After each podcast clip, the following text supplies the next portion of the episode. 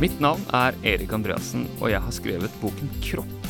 Fortellingen om deg og hva den har med Gud å gjøre. En bok for unge kristne og de voksne rundt dem, men også for alle som har en kropp. I denne podkasten snakker jeg med kloke mennesker om kropp, seksualitet og kristen tro. I dag skal vi gå til Bibelen og gjøre et dykk ned i noen av de tekstene vi kanskje ikke hører så mye om på søndagsskolen, i ungdomsgruppa eller på gudstjenesten. Hva mener Jesus når han hauser evnukkene, og hva er en evnukk? Og hvorfor virker Paulus så sikker på at det hadde vært best om alle levde som han, nemlig i sølibat? For å finne ut av dette har jeg fått med meg Cato Gullaker. Han er studiesjef og førsteamanuensis på Ansgar-skolen i Kristiansand. Hans første doktorgrad handla om Satan, men nå har han skrevet en til, om sex i Det nye testamentet. Og da er det jo en glede å ønske velkommen til deg, Cato. Ja, takk for det. Eh, veldig gøy. Vi har jo akkurat eh, møttes egentlig og blitt kjent. Vi har en slags felles bakgrunn, fordi at eh, det, Eller det, det, er en sannhet med modifikasjoner, men du er trønder. Stemmer det. Jeg kommer fra Stjørdal. Gjør det. Ikke sant. Og der eh, var jeg eh, jo, har jeg bodd i fire år av mitt liv. Eh, som ungdomspastor og i militæret og, og så videre. Så det er et fint sted. Det er nydelig. ja, Men nå bor du på Sørlandet? Gjør det, altså. Jeg har gjort det siden ja, egentlig siden 2000, da jeg begynte på Ansgarskolen. Så hadde jeg et lite opphold i Stavanger, eh, hvor vi tok videre utdannelse. Og så flytta vi tilbake hit igjen i 2007. Så siden har jeg jo vært sørlending, da. Så ja, Så du dro fra Stjørdal når jeg kom dit, så det, er jo, det skjønner jeg godt, da. Men så har du undervist i veldig mange år på Ansgarskolen, på bibelskolen der. Og tatt mange elever gjennom uh, ulike bibelfag. Og, og så uh, tok du en doktorgrad for noen år siden om Satan. Jeg ble litt nysgjerrig på det først, før vi går inn i dagens tema. Altså, hvorfor gjorde du det? Du, de henger sammen, faktisk. Altså, uh, veldig miljøskade etter å ha undervist åtte år på bibelskole. For, for når du da tar en haug med 18-22-åringer, og så tvinger du dem til å lese hele Bibelen. Og så gir du dem attpåtil fire timer i uka hvor de kan stille alle spørsmålene de vil om det de har lest. Da, du, da har du en jobb foran deg. Eh, og da får du ikke spørsmål om eh, Johannes 3,16 og misjonsbefalingen og de ti bud. Nei da, du får spørsmål om eh, hvor, hvorfor kunne Gud gi en ond ånd til Saul i bytte for at han tok Herrens ånd bort fra ham? Hvorfor skal vi be til Gud om at uh, ikke han skal føre oss inn i fristelse? Og hva i all verden var det med Paulus og en Satans engel som er gitt ham for å holde hans hovmod eh, borte? Altså masse sånn spenstige, men veldig vindskjeve tekster da, som ligger litt ved siden av det som vi vanligvis preiker over på gudstjeneste, um, men som like fullt ut er en del av um, vår kanon, da, og det er knytta løfter til. Så spørsmålene kom. Det er ikke akkurat, søndags, det er ikke akkurat søndagsskoletekstene du tok for deg? Nei da. Eller sånn? det, um, det, det, ble i hvert fall noen veldig gode samtaler til å begynne med der. Og så etter hvert så mm. skjønte jeg at uh, forskningslitteraturen var heller ikke helt i mål på det her. Hvis man noen gang kan, kan gjøre det. da. Så her var det plass for å gjøre et uh, doktorgradsprosjekt. Så, og da fikk jeg mulighet til det, og det var jo kjempegøy.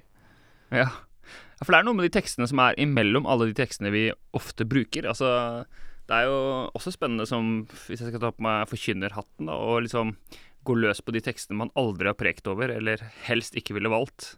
I vår tradisjon så er det vanlig på Så velger jo pastoren eh, den teksten han har lyst til å preke om eh, selv, og så har man i nyere tid hatt liksom taleserier eh, og så eh, og sånn, men vi har jo i kirka vår en stund og gått tilbake til kirkeårets tekster en periode. Eller ikke gått tilbake, for vi har ikke gjort det før, men vi har kirkeårets tekster, og da, da er det plutselig mange søndager jeg må eh, preke over nye tekster. Men allikevel, det er ikke de tekstene du har dykka ned i stort sett når du har eh, forska på Satan. Da. Men hva fant du ut av? Hvem er, hvem er han?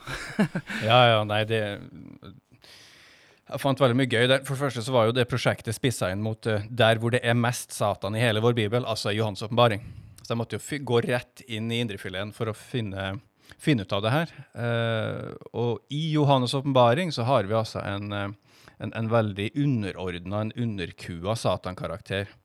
Uh, mye mer enn det som hva skal vi si, pastorallitteraturen eller populærkulturen liker å, å presentere. da. Så det var vel noe av funnene mine der. Mm. Men les boka hvis man er interessert i det.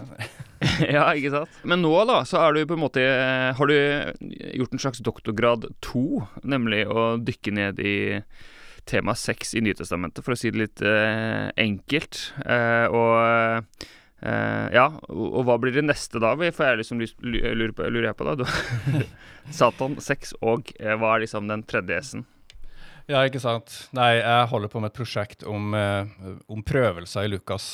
Eh, så det er jo elendighet der også, men han har mye av det, da.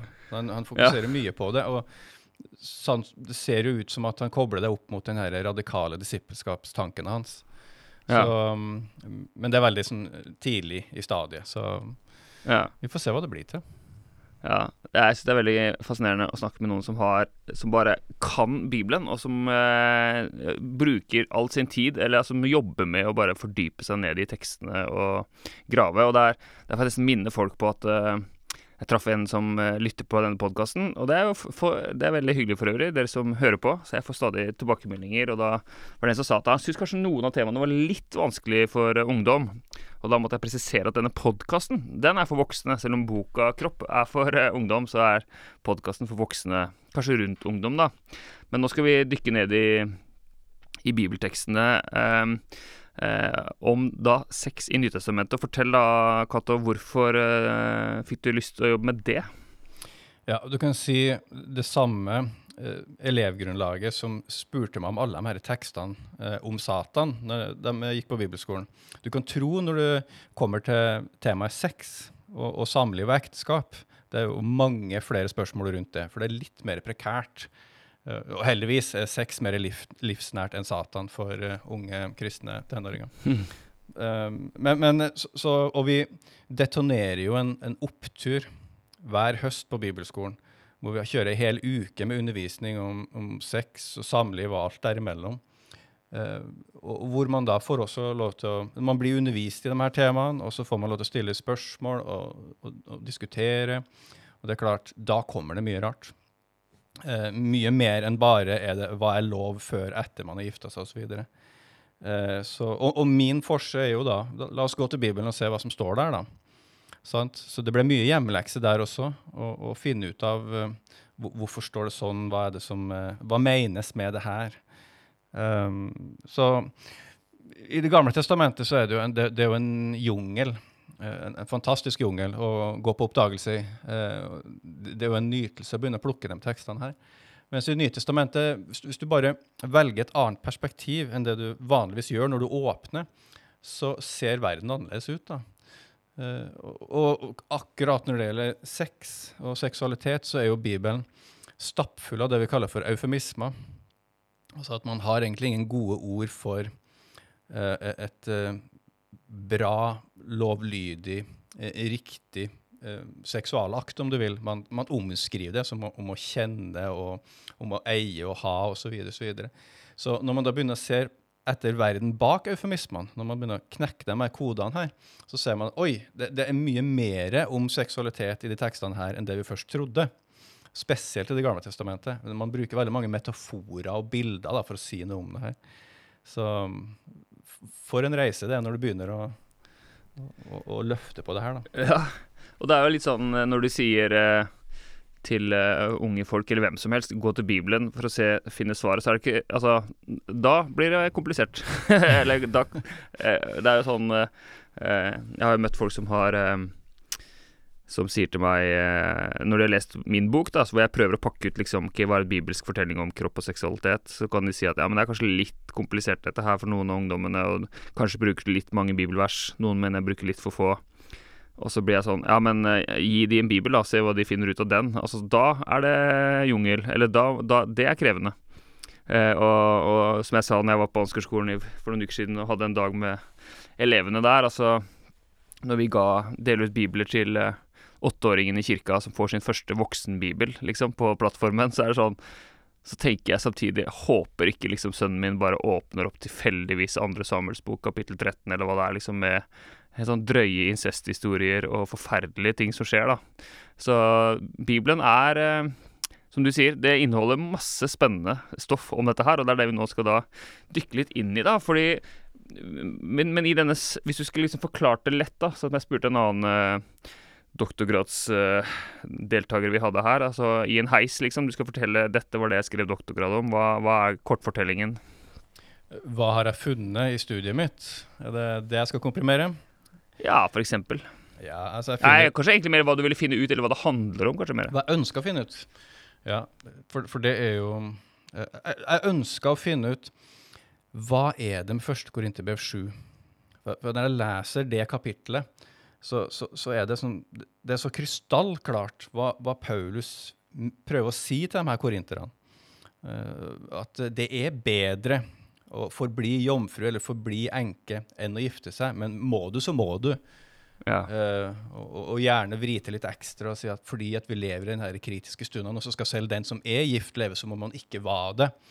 Det er en annen måte å si at nå brenner det på dass, Jesus kommer snart tilbake, vi er nødt til å få frelst flest mulig. Og, og er du gift, så har du din, din ektefelle og familien sitt beste for øye. Men hvis du ikke har det, hva skal vi si, den der hemskoa rundt foten, så kan du ha Guds plan for øye som førsteprioritet. Og det må jo være det beste, egentlig. den Mm. der eh, essensen du sitter igjen med når du har lest det. Men så møtte jeg en god del folk som Nei, det, det er jo ikke det han mener. Han mener det jo egentlig ikke. Og, og akkurat her så sier han at det er hans egen mening og ikke Guds. Også den der nedtoninga av Paulus.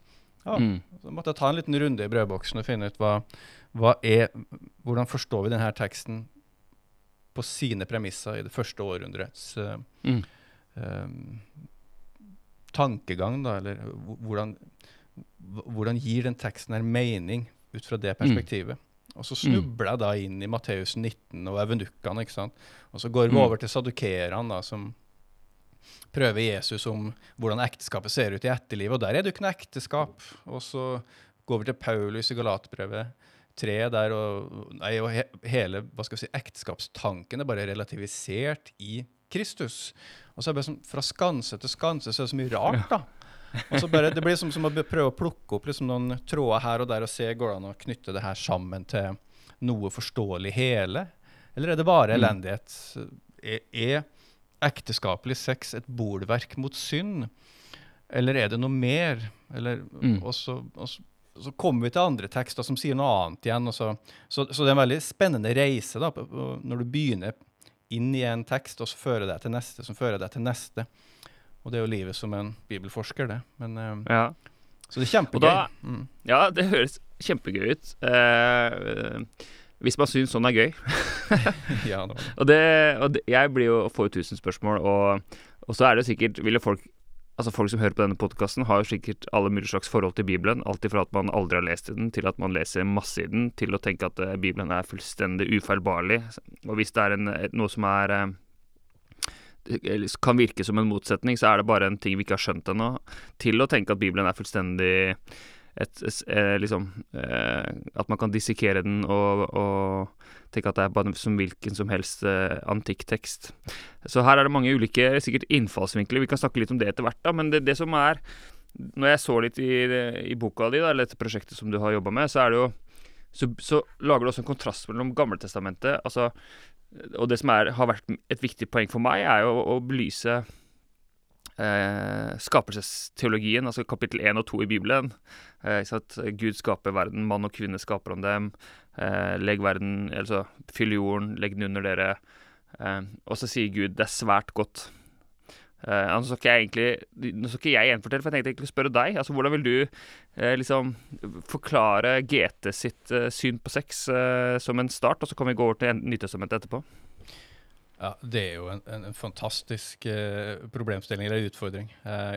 Første reaksjon er jo det at selvfølgelig så finnes det ikke et ett syn på sex i GT heller. Det er en tekst som har blitt til over hundrevis av år. Um, og det ene fører til det andre. Jeg, jeg, liker bildet at uh, gudsfolkets erfaring med, med Gud i deres vandring gjennom historia påvirker deres gudstilnærming. Litt sånn som Mm. innledninga av hebreerbrevet uh, formulerer det. da. Uh, så, så, så her er det bevegelse, det er en utvikling. Men det er klart Mm. Jeg òg liker å begynne, begynne i, i Genesis 2, 1 og 2, når jeg skal si noe om uh, GT og, og seksualitet. da.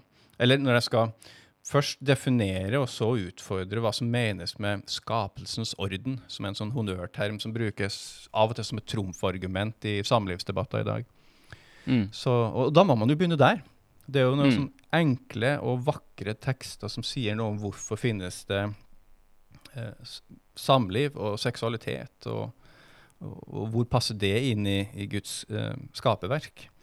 Mm. Og, og jeg eh, tenker jo at når, da Gud ser at det er ikke godt for mennesket å være alene, så det er en erkjennelse som de aller fleste mennesker på den jorda her kan, kan kjenne på eh, konsekvensen av, realitetene av. Og hans første løsningsforslag er jo å skape masse dyr sant, og føre dem frem. Eh, og det funka jo ikke. Han måtte jo ha noen, eh, noen av hans egen like. Eh, og så skaper han da kvinnen. Og, og så er vi rett over på seksualakten og fyll jordene blir mange. Så, så, så det er noe med at kjønnsdualiteten og seksualiteten er egentlig Guds respons på menneskets ensomhet. Og det tror jeg ikke vi skal dysse ned. Rent narrativt så er det den, den rekkefølgen det skjer i. Og så går vi videre, og så får vi en litt mindre heldig historien om syndefallet. Men at uh, det er ikke en sånn biprodukt eller et eller annet som for å sysselsette mennesket med, men det er faktisk svaret på menneskets behov for uh, det, noe sosialt, noe, en, en relasjon. Og den er tett knytta opp med seksualiteten. Um, så, så det sammen med reproduksjon vil jo være en sånn stor overskrift over Det gamle testamentet. Hvis vi skal gå inn på eh, Nytestamentekstene, da. Du har sagt litt om de hebraiske tekstene nå, eh, som også er mangfoldig. Men hvis du nå skal gå inn i Nytestamentet-tekstene Du har sagt litt om det allerede. Hva, hva preger de nytestamentlige tekstene om eh, sex?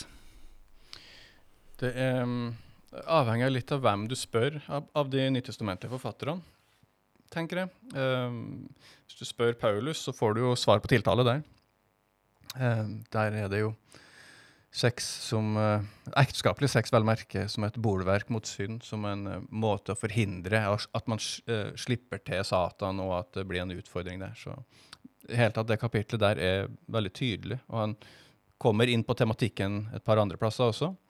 For han så er det litt mer det stoiske idealet om å kontrollere sin drift, sine, sitt begjær. Og, og første Tessalonikerbrev 4.4 er også en sånn tekst. Um, mens øh, Lukas og Matteus gjengir jo Jesus i en veldig sånn uh, Om ikke antiekteskapelig måte, så i hvert fall en veldig sånn restriktiv måte uh, å holde på. Spesielt Lukas. Jeg skriver en del om det. Uh, og forfatteren Johans åpenbaring er kanskje the odd one out, altså som tar det helt ut. da, Og likestille Bruke sex som en metafor for synd. I, åpenbaringsboken kapittel 14, der hvor vi har liksom de mannlige jomfruene som ikke har latt seg besudle av kvinnfolk. Det er liksom gjengen. Det er idealet. Uh, og den står i en profetisk tradisjon, det er ikke det, men når du bruker seksualitet som en negasjon til det som egentlig er idealet, da har du Mm. egentlig tatt den helt ut. Mm. Så kan man bortforklare det så mye man vil med, med gammeltestamentlige profeter som bruker et sånt språk, men det er, det er noe veldig eh, det, det slår ned som en bombe da, hvis man leser den fra et Hva er ekteskapet, og ekteskapets seksualitet skal være for en kristen. Mm. Så det er den ene sida. Men så er den, den andre sida er jo når du da begynner å blar opp i pastoralbrevene og i hustavlene i Nytestamentet, da, som er blitt til litt seinere. De er veldig positive. Eh, de bruker, de definer, eh, et par av dem definerer som det å være gift, det er et uttrykk for å være i Kristus. Det, det å ha en familie og orden i familien sin. Det er en definisjon på å være i Kristus. Og en annen skriver at det er et uttrykk for å ha, ha Den hellige ånd. Altså et uttrykk for helliggjørelse. Mm. Det er veldig positivt, sant?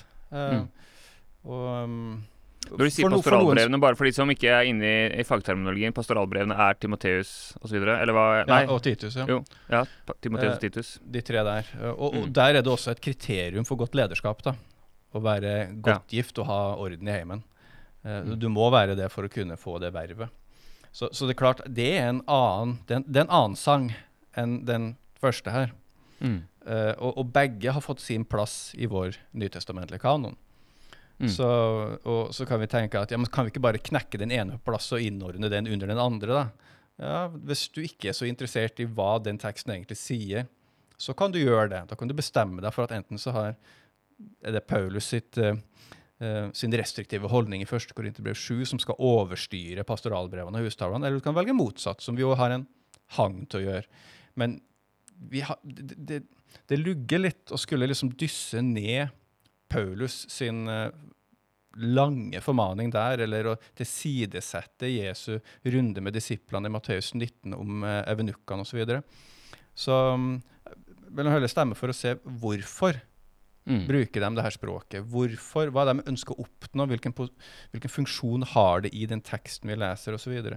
Mm. Kanskje kan vi lære noe mer da. Mm. Men eh, hvis du ser på det som eh, eh, ja, Hvordan takla kirkefedrene det her, her spennet her, da? Ja. Da ser du at Oi, ja, det, vi, her, var, her var det mye rart. Det går noen la- hundre år oss- etterpå.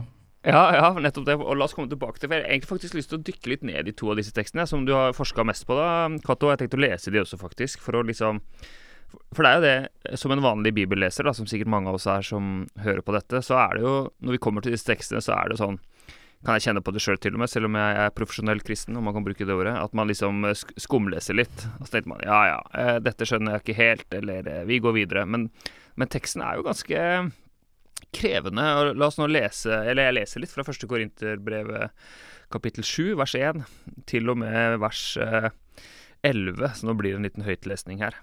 Og det er Paulus sine ord. Når det gjelder det dere skrev om, så er det godt for en mann ikke å røre en kvinne, men for å unngå hor skal hver mann ha sin kone og hver kvinne sin ektemann. Mannen skal oppfylle sin forpliktelse overfor kvinnen, og hun overfor han. Kvinnen rår ikke over sin egen kropp, det gjør mannen. På samme måte rår ikke mannen over sin egen kropp, det gjør kvinnen. Dere skal ikke nekte hverandre samliv hvis dere ikke har blitt enige om det for en tid, for å leve i bønn. Kom så sammen igjen, for at ikke Satan skal sette avholdenheten deres på prøve. Dette er ment som en tillatelse, ikke som et påbud. Jeg skulle ønske at alle var som jeg, men enhver har sin egen nådegave fra Gud, den ene slik, den andre slik. Til de ugifte og enkene sier jeg, det er godt for dem om de fortsetter å være som jeg, men dersom de ikke kan være avholdende, må de gifte seg, for det er bedre å gifte seg enn å brenne av begjær. Til de gifte har jeg dette påbudet, ikke fra meg selv, men fra Herren. En kvinne skal ikke skille seg fra mannen sin, men hvis hun likevel skiller seg, skal hun leve ugift eller forlike seg med mannen. Og en mann skal ikke skille seg fra sin kone. Så kommer det jo mer der, men eh, ja. Cato, du har sagt litt om det allerede, men eh, fortell litt mer om hva er det Paulus vil si her? Det er dette du har uh, forska utallige timer på det. Du, det her er jo eh, så utrolig mye spennende i noen få vers som skjer. Um, så jeg skriver en del om det her, ja. Um, hele kapittelet. Men, og her finner vi det her, det mest etterspurte bibelverset i hele bibelskolens okay. historie. Nå er jeg spent. For det er her, det er her, du, det er her Ja. du finner vers 9. Hvor står det i Bibelen at du ikke kan ha Ja. sex for ekteskapet? Jo, det Ja. står i første kor 7-9. Så, Altså, og, Ja, Det er for det er bedre å gifte seg enn å brenne og begjære. Dersom de ikke kan være avholdende, må de gifte seg. Ja. sant? Så den, den logiske det en logisk Ja. der. Så. Men, eh, så, så den har jeg brukt mye tid på eh, i en annen setting. Men eh, eh, nei da. for min del så trekkes jo si, oppmerksomheten min mot, spesielt mot vers 7, hvor nådegavespråket kobles på det her med å kunne leve avholdende. Ja, at Paulus er freidig og kanskje har en, en utfordring med sitt uh, hovmod, kan være forståelig når han si, bryter ut i at jeg skulle ønske at alle var som meg. Men det er det som kommer etterpå som er det interessante. Sant? Han, skulle, han skulle ønske at alle var som han og kunne leve avholdende, men enhver har sin nådegave fra Gud. Den ene Mm. slik og den andre slik.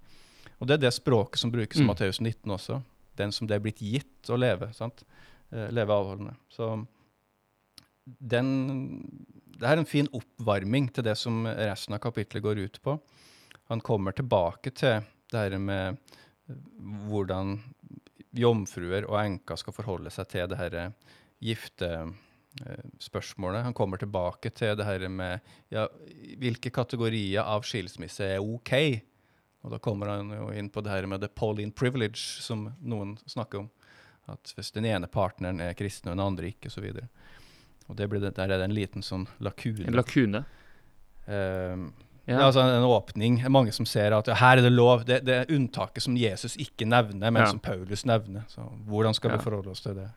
Men Cato, hvorfor tenker du liksom Hvorfor er Paulus En ting er jo hva den teksten sier, og vi kunne jo skrevet en hel doktorgrad om det, sånn som du har gjort, men hvorfor er Paulus opptatt av altså, hva, hva tror du tanken bak er, eller hva, hva er det han vil si med denne teksten og denne, disse formaningene? Hvorfor var det viktig for Paulus å, å løfte sølibatet, som han gjør? Altså, det er best om alle lever i sølibat, det er egentlig det han Mm. sier her. Jeg tror, eh, vi, må selvfølgelig ta disclaimeren før vi hopper rett på hva kan det bety. og det er jo det at vi, Nå snikleser vi annenmanns korrespondanse. Dette er skrevet til noen, og denne noen er ikke oss. Ja. Så, og det er veldig mange givens i en sånn tekst. Sånn som menigheten i Korint visste hva han mente med de og de tingene, som ikke han trenger å forklare. For de Ja. har en gjensidig kommunikasjon hvor de har et sett med opplevelser hvor de ikke trenger å forklare alt. Og vi kan sitte og skulle ønske de forklarte mer. Det er for at vi sitter og smugkikker på hva de skriver i sin chat. Men med Ja. det i mente, og at uh, Paulus ble kalt Mm. som apostel, han har måten han løser det her problemet på, kan vi sikkert lære noe av. Sant? Med, Mm. med det i mente så tenker jeg jo at delen som kommer etterpå, da, det eschatologiske innskuddet, det er der han sier noe om det her udelte og delte sinn. Sant? Det å kunne være fullt og helhjerta, eh, satse på Gud eh, og være opptatt av Herrens ting. Eh, eller det å kunne bare bruke halve harddisken på det, mens den andre går til å opprettholde og, og drifte familien AS. Så det er klart Mm. eh, eh, Det er en viktig ting, og det er en sann ting om livet. Hvor, Mm. og når vi har barn spesielt, så er det akkurat de der 20 årene der, de er ganske busy. Mm. og, og da merker du at ja, jeg har ikke et jeg har et, ut, jeg har et delt sinn. jeg har flere ting Mm. på agendaen enn hvordan kan jeg frelse flest mulig. Og, og det er jo det Mm. han bruker som, eh, som eh, kil da, til å åpne opp for å kunne si det her på en eh, god og troverdig måte. Det er pragmatisk. Det er ikke en så sånn sadistisk, asketisk tilbøyelighet, men det er fordi at flest mulig skal kunne møte Jesus. Ja, for han har jo en, en, en opplevelse og en veldig sånn urgency. Altså, Jesus kommer snart igjen. Flest mulig mennesker må få høre evangeliet. Derfor er det best om vi alle bare fokuserer 100% på det, for å si det enkelt, da. Så, og da har vi ikke tid til å Um, eh, lage barn eller leve i ekteskap, for at uh, uansett, de barna Altså, Jesus kommer hvert øyeblikk. Er det, er det litt sånn forenkla sagt? Ja, jeg tenker det. Det, det, det virker sånn for Ja. meg. Vi, vi, vi kunne selvfølgelig Mm. godt uh, prøve han seg på en naturlig bortrykkelse her, men det ville vært et sidespor. Så Naturlig bortrykkelse, hva mener du? hvis alle kristne lever i sølibat, så er det plutselig ingen Ja, sånn, igjen. Altså eh, Nei, sånn er riktig. Ja. Det er jo Jeg hadde jo en Apropos andre manns Eller korrespondanse. Jeg hadde en, eh, en chat med en, en eh, katolsk prestevenn av meg, og jeg skrev Vi hadde en dialog om eh, et eller annet tidspunkt vi skulle møtes, og så skrev jeg noe om Ja, det passa ikke av om det var foreldremøte eller et eller annet med barna eller tannlegen eller hva det var, så sa han at æsj, jeg skjønner ikke hvordan man klarer å være prest og ha familie. og da eh, fikk jeg, svart, fikk jeg lyst til å svare at det skjønner ikke jeg heller, egentlig. Men det, det går på et vis. Og, og, og det er jo i den tradisjonen også liksom Det er disse versene også den katolske kirke begrunner liksom hvorfor prestene skal leve avholdende, fordi det er best at de fokuserer på det å være prest for menigheten da, og for hva skal jeg si, full tid, og ikke bruke tid på uh, det, det, det her, De ville sikkert sagt det veldig mye bedre enn det jeg sier det nå, og begrunna det bedre, men det er i hvert fall en sånn forenkla versjon av det. Jeg tenker Den katolske kirke har et veldig godt kort på handa når det gjelder uh, å argumentere for å løfte fram sølibatet som en, eh, en virk, At det har virkelig sin plass i, i Guds rikes tjeneste. Men eh, vi må huske å få med det med liten skrift. Det her, altså, en- Enhver har sin egen nådegave for Gud, den ene slik, den andre slik. Og når Mm. Je, eh, Jesus da sier i Matteus 19 at uh, det her er det bare den som er blitt gitt det, som kan ta det til seg. så, Så, Mm. så, så, så må man holde det opp imot ikke lev avholdende for lang tid uh, uten at dere kommer sammen igjen, for at ikke Satan skal sette avholdenhet, eh, avholdenhet, avholdenheten deres på prøve. Altså Det ligger en Mm. sånn veldig sånn alvor bak. da. Så Mm. Hvis vi setter fram idealet, så må vi også si noe om betingelsene bak. Og, og der har, Ja. de har de kanskje ikke vært så flinke, tenker jeg da. Nei, og hvis jeg skal snakke i vår egen sammenheng, så er vi jo veldig opptatt av eh, småbarnsfamiliene, og, og vi eh, Altså, det frikirkelige ekteskapet er jo Eller sånn, vi har jo bryllupsfester så store som noen, og, og hauser det veldig, da. Så det å være singel eller enslig i en frikirkelig sammenheng, som jeg er i, eh, er jo ikke alltid så lett. Og ikke så god, god plass til det, og det snakkes ikke så varmt om heller. Mens, mens Bibelens ord løfter jo det veldig som en viktig oppgave, og til og med som en nådegave. Og Paulus løfter det til og med som et ideal, at det er best om alle hadde levd sånn. Eh, men det også jeg har erfart fra mine venner som er enslige, er jo at det er jo forskjell på å velge et sånt liv fordi man ønsker det, eller enn om at man ønsker et annet liv, men ikke får det. Altså at man ikke finner noen å leve sammen med. Eh, ja, så det er, en, det er en stor forskjell i, i kommunikasjon, altså det å anerkjenne eh, den enslige standen hva skal jeg si, som både for noen en smerte, og for andre et, eh, et valg. Eh, det er en sånn kommunikativ utfordring for oss som eh, driver menighet og, og forkynner, da. For det er liksom Hvis noen virkelig ønsker seg familie, ønsker å bli eh, mor eller far, og ikke finner noen, og så får de høre fra predikanten at nei, men det der er en gave, vet du. Du ta, ta, ta imot det med glede. En nådegave. Så er det litt sånn OK, det, det var ikke det jeg trengte å høre. Men eh, hvis vi går til eh, en annen tekst da, som du også skriver mye om i din eh, avhandling, altså, for du har allerede nevnt det, altså Jesu ord i Matteus 19 og, om evnukkene, som også er sånn eh, interessant tråd da, som eh, plukkes opp flere steder. Men jeg har også lyst til å lese her noen vers fra Matteus 19, vers eh, 10 til eh, 12. Disiplene sa da til ham, er det slik mellom mannen mann og kvinne er det bedre å ikke gifte seg. Altså Paulus, eller Jesus her er snakk om skilsmisse, eh, om eh, kravene for skilsmisse. Eh, at det ikke er mulig, så å si. Så å si. Det er iallfall veldig vanskelig. Er det slik mellom mann og kvinne, er det bedre å ikke gifte seg. Men han, han svarte, dette er noe ikke alle kan ta til seg, men bare de som det er gitt. For noen er evnukker fordi de er kommet slik fra mors liv, andre fordi mennesker har gjort dem til evnukker. Men det er også noen som har gjort seg selv lik en evnukk for himmelrikets skyld. La den som kan, ta dette til seg, sier Jesus. Og det er heller ikke et, eh, et, eh, en tekst vi bruker ofte i søndagsskole. eller, I hvert fall ikke hos oss. Eh, eh, Cato. Men eh, først, da. Hva er en evnukk? Det er en eh, kastrert mann, rett og slett. Ikke Nei mindre. da. Så det er jo det, Evnukkene hadde sin eh, ambivalente funksjon i, på denne tida her. På den ene sida så var de sett ned på. Eh, de kunne jo, altså Det står jo en del mindre festlige ting i Pentatauken om det å kunne tjenestegjøre. Eh, hvis du ikke har testikler, så er du per definisjon ekskludert fra å være prest og gjøre den typen tjeneste. Uh, Jeg snakker om Gammeltestamentet, altså mm. lov, lovmateriale. Mm. Eh, og hvis du ikke kunne formere deg i, den her, i det samfunnet her, altså i, den, i lys av det gammeltestamentlige paradigmet, da, så er du per definisjon utafor samfunnet. Uh, og samtidig så er evenukka, sånn som vi ser i den etiopiske hoffmann som vi har i våre oversettelser, det er jo den etiopiske evenukken. Så det, Mm. det, de var betrodd en del eh, eh, tjenester og, og, og, og ha en del viktige administrative funksjoner nettopp fordi den de var til lite på. For de ble ikke styrt Mm. av sine drifter på samme måte som andre. For de hadde ingen forutsetning for å kunne gjøre det. Så det var noe veldig positivt og samtidig noe utrolig negativt. Men i den set settingen her så er det nok det negative som da snus da, i Gudsrikets uh, opp-ned-landskap, om du vil. At uh, her er plutselig evenukken blitt idealet. Mm. eh, og i en, i, hvis Paulus hadde fått det som han ville, så ville alle kunne vært sånn. Men, uh, Mm. men det er ikke noe som alle kan ta til seg. Altså, det er gitt noen, men ikke alle. Om enn så lenge, er vel egentlig det. Og akkurat den versen som du løfter frem her, er jo responsen på at Jesus tar side i det her spørsmålet om hva er en gyldig grunn for skilsmisse. Og han, der står det mellom to varianter, rabbi Hillel og eh, rabbi Shammai.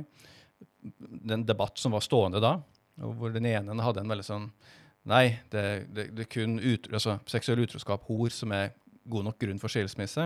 Mens den andre hadde mer en sånn Ja, men hvis du svir maten, eller hvis du legger på seg litt, eller du blir litt gammel, eller hvis du er noe ved henne du ikke finner attraktivt lenger, så kan du skille deg fra henne. Og når da Jesus velger den restriktive og, seg, og, og tar stilling til debatten ved å slutte seg til den restriktive, så kommer det her furtende uttrykket fra disiplene. Ja, er det sånn mellom mann og kvinne, så er det bedre å ikke gifte seg. Sant? Det er litt som Mm. sånn åh, Sagt på ja, ja, men det er litt sånn uh, surmulende trøndersk, sant? Og Ja. så kommer den herre, men det er noen som er gitt det, andre er ikke gitt å gjøre det. Så kommer de her tre Ja. kategoriene med evenukka Eh, og de to første er jo selvforklarende, kanskje.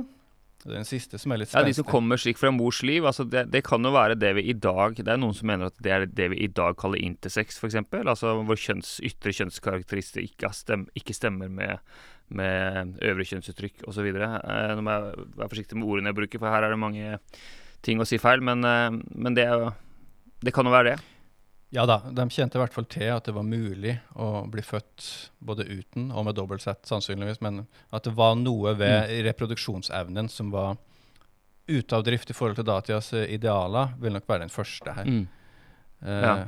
Andre fordi mennesker har gjort dem til evnukker. Altså, hva, hva er det snakk om da? Nei, det kan jo være Det kan være kastrering. Det det er veldig fristende å gå inn i en sånn 2022-lesning og si at vi har blitt gjort uskikka til ekteskap fordi at et eller annet, men eh, siden evenukk-begrepet går igjen her, så er det i hvert fall De har blitt gjort uskikka til reproduksjon, om ikke annet. Eh, Mm. Og så må man jo ta en diskusjon og se om er, er det noe mer, er det flere lag av mening her. Men de to første er jo ikke dem som tar oppmerksomheten, og det bygges jo opp til den tredje. For dem som har gjort seg sjøl gjort seg sjøl lik til evenukk, det er jo litt sånn fri oversettelse. De har, altså Der brukes ordet evenukk i verbform. De har evnukkifisert seg sjøl, at de har kastrert Mm. seg sjøl. Og da blir det tydelig at her Mm. snakker vi om en metafor. Eller det er ikke så tydelig, for vi har eksempler fra de århundrene som følger, at folk faktisk kastrerte seg sjøl for Mm. himmelriket. For å gutse for Mm. Jesus. Og så ble jo det litt uh, sett ned på igjen, og så ble det diskusjoner. Så man slutta med det etter hvert, heldigvis. Men noen tok det her veldig bokstavelig.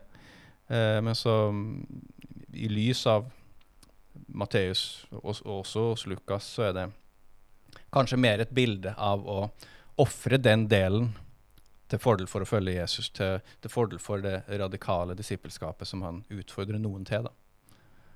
Mm. Så, men det er kanskje det mest Det som fa fanga min interesse enda mer enn at uh, det idealiseres at man gir avkall på familie og, og ekteskap for å følge Jesus, er det som er, det som er avslutninga. La den som kan, ta dette til seg. Det er jo en sånn litt Ja. sånn puslete gjengivelse, for det avslutter med en imperativ. Men vi, vi har jo veldig dårlig eh, forutsetning på norsk for å gjengi en befaling i tredje person. Og Derfor så blir det alltid. 'la noen'. Men vi tenker automatisk ok, så la dem få lov til å gjøre det da, hvis de absolutt må. Men den breie motorveien er her. Men det er faktisk en Ja. ordre. Så dem som kan Riktig. ta det til seg, skal ta det til seg. Ja. Underforstått, det er flere som kan ta det her til seg, enn det som vi ser nå. Altså det ligger et, eh, en eh, Og det blir kanskje ikke så Du kan sette fart på alfagruppa eller, eh, eller undervisninga, men hvis vi nådegavekurset først går ut på Nå skal vi først finne ut er det noen som har denne nådegaven her. Vi begynner med imperativen, og så ser vi etterpå hvor, hvor vi går derfra. Det ville blitt en litt annen eh, Ja. Kveld nummer én om å evnu evnukifisere seg selv. Ja. ja, for det er jo en eh, Altså, det er jo en eh, Lista for disippelskap legges jo høyt her, hvis man tar disse tekstene eh, på alvor. Og det, og det skal man jo gjøre. Så er det jo liksom Ja, det beste er faktisk å bare Hva skal jeg si Ja, gi alt til Jesus. Gå all in, for å bruke et populært uttrykk i dag. Og, og, og leve eh, som en evnukk, eller som Paulus bruker, altså leve avholdende. At det er liksom idealet. Vi kommer ikke unna det. ikke sant? Så Hvordan kan man opprettholde et positivt syn på seksualitet, en positivt framsnakking av ekteskapet, når disse tekstene så tydelig liksom sier at det beste hadde vært om dere hadde levd avholdende. Det beste hadde vært om dere var evnukker. Samtidig eh, det, det, det, det er ikke alle gitt. Ja. Hvordan skal vi hva, Ja, hva skal vi gjøre med dette i dag? Nei, altså jeg tenker Vi har andre tekster som jeg nevnte også, som sier eh, omtaler det mer positivt. Så spørsmålet Mm. blir hvorfor står det? Hvorfor var det så viktig for dem? Hvorfor eh, Mm. eh, ordla de seg sånn? Og jeg tenker det her er et, eh, det her er helliggjørelse. Sant? Når da sadukerene får passe sitt påskrevet med at uh, i himmelen så verken gir man eller tar til ekte, men vi skal leve som englene. Altså, Mm. vi, vi har ikke Hvordan er den herre um, sura uh, At uh, det er så og så mange jomfruer som venter uh, innenfor muslimsk tro i en liten marginal del av det. da. Det er det motsatte uh, innenfor Det nye testamentet. Det, det er ikke masse sex som venter der framme. Det er ingen sex som venter der framme. Og noen er gitt Ja. en nådegave til å leve avholdende allerede nå, som en forsmak på det. Så Ja. det er det ene perspektivet her. Um, men um, og, og så må man jo gå inn og se hvorfor er det et spenn innad her. Når vi snoker inn annenmanns uh, korrespondanse i pastoralbrevene, så hvorfor er det annerledes der, og hvordan står det her seg sammen i den tidlig kristne kirka? Eh, det, det går en varsellampe for meg da, når det gjelder vår egen bibelbruk. Ja. Hvis det her er ganske sentralt hos Paulus, og i hvert fall Matteus og Lukas, og i Galatebrevet og i Johans åpenbaring, uh, hvorfor har vi så lett for å tone det ned? Hvorfor er det så Mm. behagelig for oss å bare la være å si noe om det? Vi kan ha, altså er det Mm. noe som er populært, på godt og vondt, å diskutere i dag eh, i, i kristne menigheter, så er det sex og samliv og alt derimellom. Og for noen så er det en lakmustest på om du har forstått evangeliet i det hele tatt. Og så Mm. eh, gjør vi med den andre hånda så dysser vi ned det de her tekstene sier om sex og samliv og, og, og det biten her. Så løfter vi fram det andre. Um, det fortjener litt oppmerksomhet langs den her bibelsyn- og bibelbruk-aksen. Mm. Eh, siden for den tidlig kristne menighet så ga det mening med alle de her 27 bøkene. Alle Ja. er ansett for å bære med seg det viktige, altså evangeliet. Det, Ja. det, det som kirka er bygd på. Så det gir oss en god anledning til å ha en god samtale, om ikke annet. Ja. Jeg traff eh, sogneprest Torstein Nordahl på mandag. Jeg var i Bogafjell kirke. Han gikk i kirka vår eh, en stund her i Oslo når de, han studerte teologi i Oslo. Da holdt jeg en preken eh, Kanskje som har vært i 2009 eller noe sånt. 10, kanskje. Eh, hvor jeg snakka om sex. Og det han huska liksom at han kvakk til, eller han liksom eh, eh, Det var når jeg sa noe om et punkt som jeg hadde hatt Eller hadde en slags preken som het 'sex er kolon', og så var det ulike ting, da. Og da En av de tingene det var, det var at sex er mulig å leve uten. Uh, og det var liksom uh, uh, Og det tror jeg ikke så mange Altså i vår tid hvor det er liksom Det, det, det hauses helt ekstremt opp, da. Mm. Sex og det er orgasmetips på hvert gatehjørne, og det er sexleketøy som er normalisert blant unge, og altså den utrolige liksom avgudsdyrkelsen, vil jeg nesten si, av, av sex, så er faktisk det å si Vet du hva, det går veldig fint å leve uten. Bibelen løfter det til og med opp som, et, eh, som en god ting. Altså sånn Så det, det er jo en slags Ja, det er jo en kontrast, for å si det mildt. Eh, og, men det må også sies. Altså, det er mange som lever veldig meningsfulle liv og gode liv, som lever avholdende, og, og det, bør, det bør vi snakke varmt om. Og så er det som sagt ulikt om man velger det selv, eller om, man, om, om døra blir lukka på en måte utenfra. Um, men eh, det er, en, eh, det er et paradoks, som du sier, da, i bibelbruken vår, at, eh, at vi, vi, vi, vi, blar litt fort forbi alle de tekstene som faktisk hauser sølibatet. Um, og så er det spørsmål så at er det mu hvordan er det, er det mulig altså i praksis å leve sånt liv, og hvordan gjør man det spesielt i en tid som vår, som er ekstremt eh, sexifisert, på en måte. Og ja. Og det er jo også, ja, så det er jo mange spørsmål her som, som dukker opp, da, som ikke i og for seg er rammen for denne samtalen, men, eh, men det å bare ta tekstene på alvor, rett og slett. Vi først, eh, hvis vi sier at Bibelen er autoritet, da, så må vi, ja, hvordan skal vi da forstå dette her? Og også da forstå det åpenbare spennet mellom tekstene i Bibelen. Altså hvordan, hvordan skal vi forholde oss til det? Skal vi velge bort noen? Eh, skal vi ordne det inn under hverandre? Eller skal vi bare anerkjenne at her er det et spenn? Jeg tenker jo at det Sånn som jeg tenker det, så er det så er ikke det først og fremst et problem vi må løse. Her må vi lage et skjema, men det er bare å rett og slett anerkjenne at her er det, her er det ulike ting. ulike som vi Så vi må be Gud og Guds ånd om å åpenbare for oss, da. Fortelle oss hva det innebærer. Um, sånn som jeg tenker på det. Um, men, men det er dagens uh, jeg, er- jeg, er lyst, jeg er litt, litt nysgjerrig på Altså, jeg, det er den her kampen mot kroppen, som jeg kaller et kapittel i, i min bok, eh, gjennom kirkehistorien. Og du nevnte litt kirkefedrene de første århundrene. Augustin eksempel, og noen av de andre som hadde ganske sånn problematisk forhold til kropp og seksualitet, som kanskje også har forma kirkens syn på, på det. Du, de, jo, de, har jo tekster å hente sin eh, forståelse fra, for å si det sånn. Men, hva, men hvordan, hvordan forsto de disse tekstene?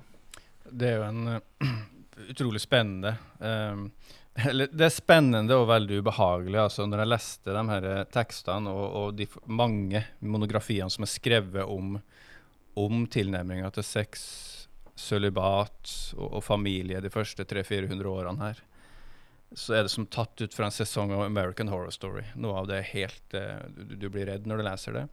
Og samtidig så legger jeg merke til at um, det er de her tekstene de legger til grunn for å leve avholdende innad i ekteskapet, det å avstå fra ekteskap, det å sulte og tørke ut kroppen sin for å unngå, for å, å unngå få hva skal vi si, utløsning om natta ufrivillig. Sant? For å, den, den mm. absolutte seksuelle avholdenheten som er idealet. For det har Paulus sagt, og det har mm. Jesus sagt. Mm. Og da må jo vi mm. jobbe for det. Uh, og så er det noen som er mer uh, artikulære enn andre, da, som har behov for å gjøre det her til, til noe mer enn bare for de få. Så, så, så, her skrives det mye. Og, Vanligvis så er det første man gjør når man oppdager en vanskelig tekst. I Det nye testamentet så ser man på resepsjonshistoria. For der finner vi den. Hvis, de første, hvis disiplene til disiplene leste denne teksten sånn og sånn, så kan vi styre etter det. Men her er det mm. mangefasettert, og det var en pågående debatt om det her også.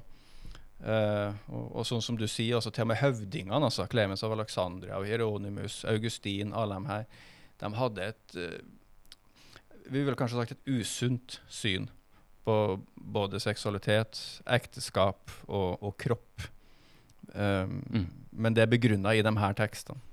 Og så ser vi mm. at det er andre stemmer som kommer til etter hvert. Uh, og hvis, det er jo i, i kirkehistorie og teologihistorie så ser vi et sånt paradigmeskifte rundt da kristendommen går fra å være en forfulgt religion til å bli en akseptert, til å bli den, den religionen i, i det romerske riket. Og da blir det en mer skal vi si, da roer de her debattene seg noe. Og så får mm. vi Jeg vet ikke om vi får landa det noen gang, for man har jo noe å diskutere i reformasjonstida også. Så, og vi diskuterer jo det her i dag, så det, det er en pågående samtale. sant? Men fordi ja. at de her tekstene da ble kanonisert og ble en del av vårt nye testamente, så sitter vi i dag og tygger på de samme utfordringene som kristne har hatt i 2000 år. da. Sånn hvordan skal mm. vi tilnærme oss det her? For det er så viktig for oss, det her med familie, ekteskap, seksualitet eller ikke-seksualitet. Og hvordan det skal fungere i samfunnet. Uh, og så kan vi ikke bare skyte av gårde et bibelvers og så 'dette var det'. For her var det en samtale som pågikk da, og den pågår nå. Ja.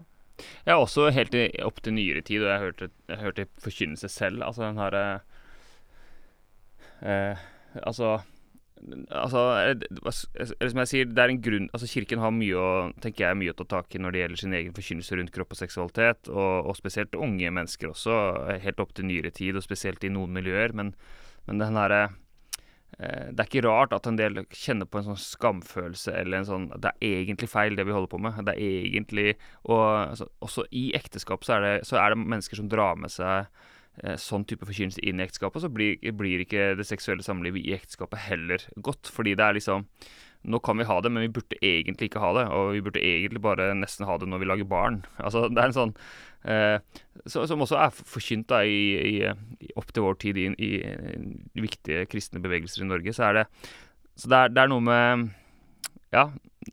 Og, og, de vil jo kunne sitere bibelvers. Eh, og så kan man sitere andre bibelvers. Det som slo meg i stad, eller det var jo at faktisk en del av de versene vi bruker om ekteskapet, eller i type kjærlighetens høysang, i alle, alle ekteskap, eh, eller alle vielser, altså eh, tro, håp og kjærlighet osv., det er jo ikke snakk om ekteskapet. Da, da er det jo det, det, er jo om det kristne fellesskapet og nestekjærlighet. Og, så mange av de, de romantiske hermetegn, versene om kjærlighet i Bibelen, handler jo ikke om ekteskap. Eh, så det er litt vanskelig å finne backing, masse backing, for den romantiske kjærligheten som vi i dag hyller, da. Som jeg tenker også er viktig. Altså, vi må jo virkelig Den er virkelig god, men det er liksom ikke Det er ikke massevis av bibelvers som passer inn i Disney-filmene om ekteskap, på en måte. Ja, nei eh, Vi, vi får jo best uh, ammunisjon i Det gamle testamentet på det. da. Det er der, mm. der, er det mye vakkert som sies, og Og du kommer til visdomslitteraturen også, så er det noe med Ok, noe av det er veldig sexistisk, men allikevel så er det noen flotte formuleringer om den, om, om den idealkona kontra dem som man skal holde seg unna. Og, og at seksualiteten og ekteskapet har en naturlig del i uh, måten Gud ønsker å styre verden, da, eller styre sitt skaperverk, er, er jo veldig fin. Så det kan man jo holde mange bryllupstaler over, tenker jeg.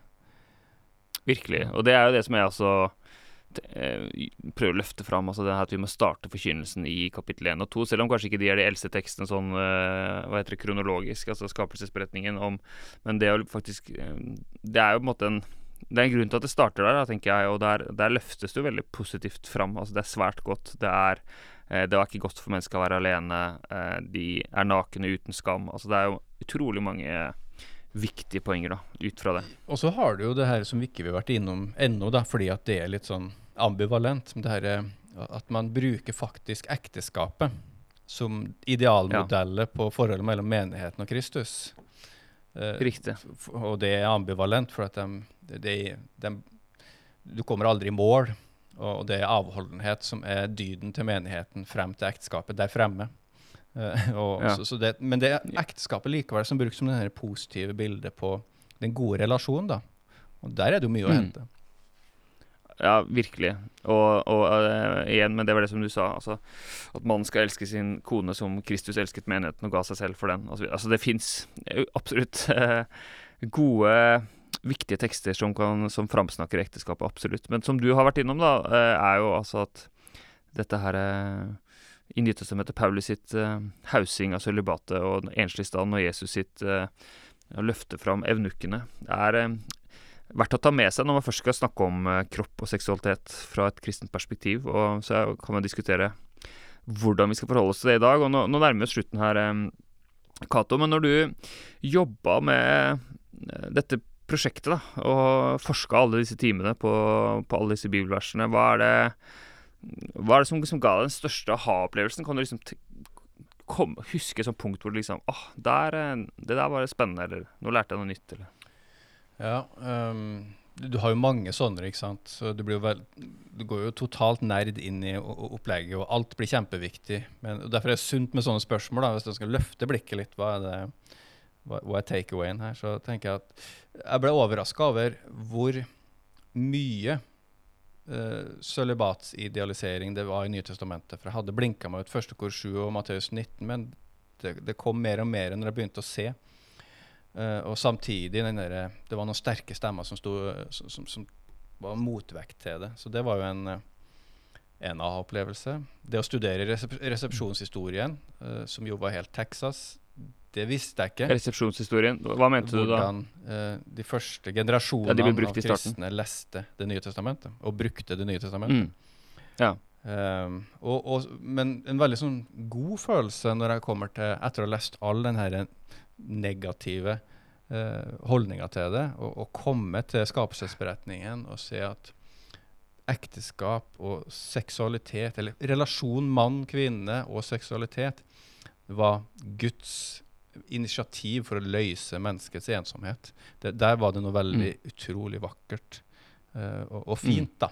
Uh, så, så, de her tingene er jo ting som jeg kan sitte og fundere på nå også. Ja. Og det er jo interessant, altså, som du sa, at uh, det som de første kristne bala med og prøvde å finne ut av, det holder vi på med fortsatt. Og det er noe litt frustrerende med det, men det er også noe veldig fint med det. Og, og hva skal jeg si Da er Avstanden kan være stor i eh, kultur og i antall år, men det er liksom Det er livet, og det er eh, troen vår, og det er Gud som gjør noe i vår eh, Hva skal jeg si I våre fellesskap og i vår midte. Og så er det så er liksom ikke troen bare en sånn Det er ikke ti punkt. Eller det er ikke bare de ti bud, for å si det sånn, og det betyr én ting, men det er, det er et liv å finne ut av, da.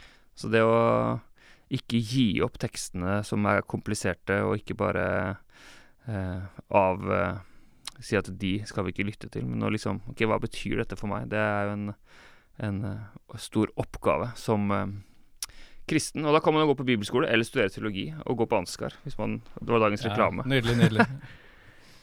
ja. Det er bra, Kato. Du, takk for uh, at du tok deg tida til å være med her. Du, det er jo kjempegøy å bli spurt om å snakke om det du forsker på. Det er jo gull for enhver Ja. forsker, så sjøl takk. Ja.